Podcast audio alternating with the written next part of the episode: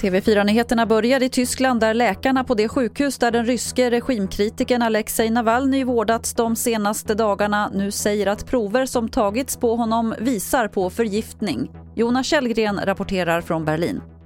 Man säger att man utgår från att han har blivit är förgiftad eller man, eh, preliminära undersökningar visar att han har blivit förgiftad. Så det går ju förstås emot vad de ryska läkarna sa som undersökte honom i Ryssland men det är det, eh, de slutsatserna, slutsatserna man har dragit här eh, på Charité-sjukhuset i Berlin. Så till USA där Republikanerna nu har dragit igång sitt partikonvent och idag nomineras Donald Trump formellt till partiets presidentkandidat. Och Trump har låtit meddela att han kommer att tala alla fyra kvällarna på konventet istället för en gång som annars är standard.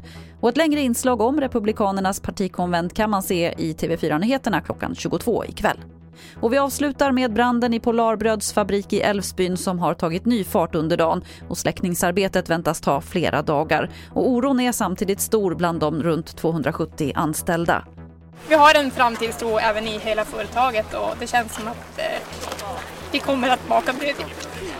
Men du är ledsen idag? Ja, det är jag.